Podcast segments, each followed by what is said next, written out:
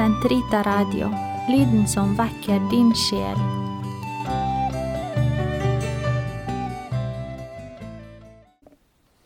Den katolske kirkes katekisme, uke 21, torsdag, paragraf 1378 til 1383.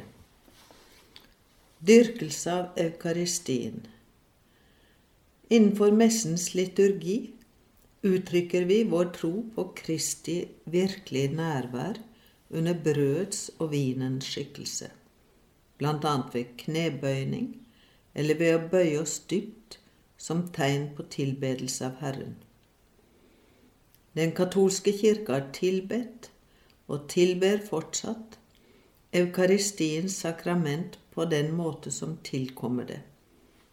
Ikke bare under messen, men også utenfor, ved å oppbevare de konsekrerte hostier med største omsorg, ved å sette dem frem slik at de troende høytidelig kan ære dem, ved å bære dem i prosesjon. Tabernaklet var opprinnelig ment til å oppbevare eukaristien på en verdig måte, slik at den kunne bringes syke og fraværende utenom messen. Etter hvert som troen på Kristi virkelige nærvær i eukaristien ble utdypet, ble Kirken seg bevisst betydningen av å tilbe Herren i stillhet under de eukaristiske skikkelser. Derfor bør tabernaklet plasseres på et særlig verdig sted i kirken. Det bør være laget slik at det understreker og tydeliggjør Kristi sanne og virkelig nærvær i det hellige sakrament. Kristi fortsatte tilstedeværelse i kirken på denne enestående måten er i høyeste grad meningsfull. Siden Kristus i synlig skikkelse skulle forlate sine egne, vil han gi oss sitt nærvær i sakramentet. Siden han skulle gi seg selv på korset for å frelse oss, ville han at vi skulle eie minnet om den kjærlighet han elsket oss med inntil enden, ja, like til å gi sitt eget liv. I sitt eukaristiske nærvær forblir han nemlig på gåtefullt vis midt iblant oss som den som elsket oss og ga seg selv for oss, og han er, frem, og han er det fremdeles under de tegn som uttrykker og formidler denne kjærligheten. Kirken og verden har sterkt behov for dyrkelse av eukaristien. Jesus venter på oss i dette kjærlighetens sakrament. La oss ta oss tid til å gå ham i møte i tilbedelse, i en kontemplasjon full av tro og villighet til å sone for verdens tunge synder og misgjerninger. Måtte vår tilbedelse aldri opphøre.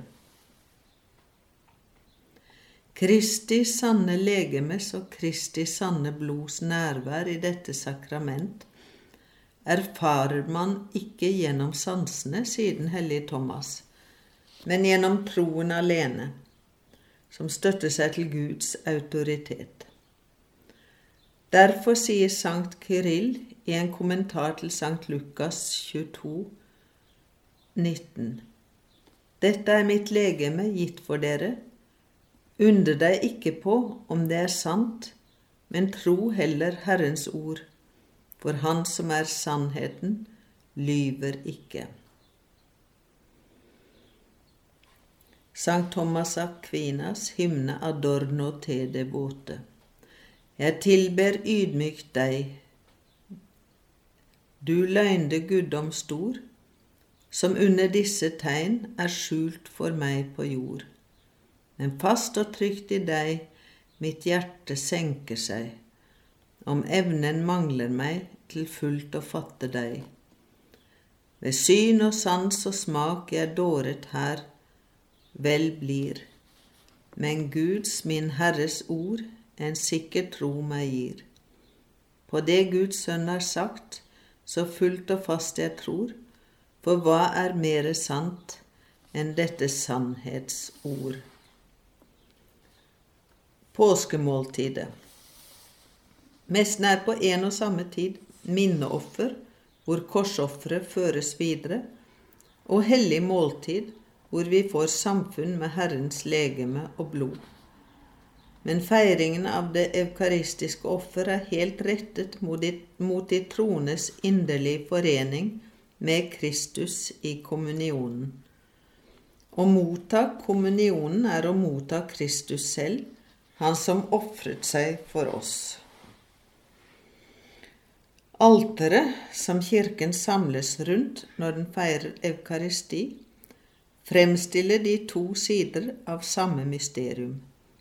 Det er både offeralter og Herrens bord, så meget mere som det kristne alter symboliserer Kristus selv, som er midt iblant sine troende, både som offer til vår forsoning og som mat fra himmelen, som gis oss for hva er Kristi alter om ikke bildet på Kristi legeme, sier Sankt Ambrosius.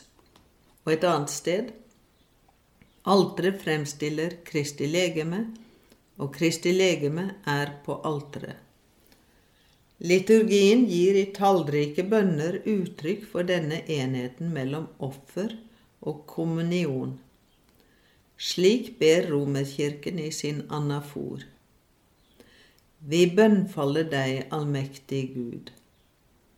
La din hellige engel bære dette offer frem til ditt alter i himmelen, for din guddommelige majestet, så alle vi som her ved ditt alter mottar din Sønns hellige legeme og blod, må bli fylt med all himmelsk velsignelse og nåde.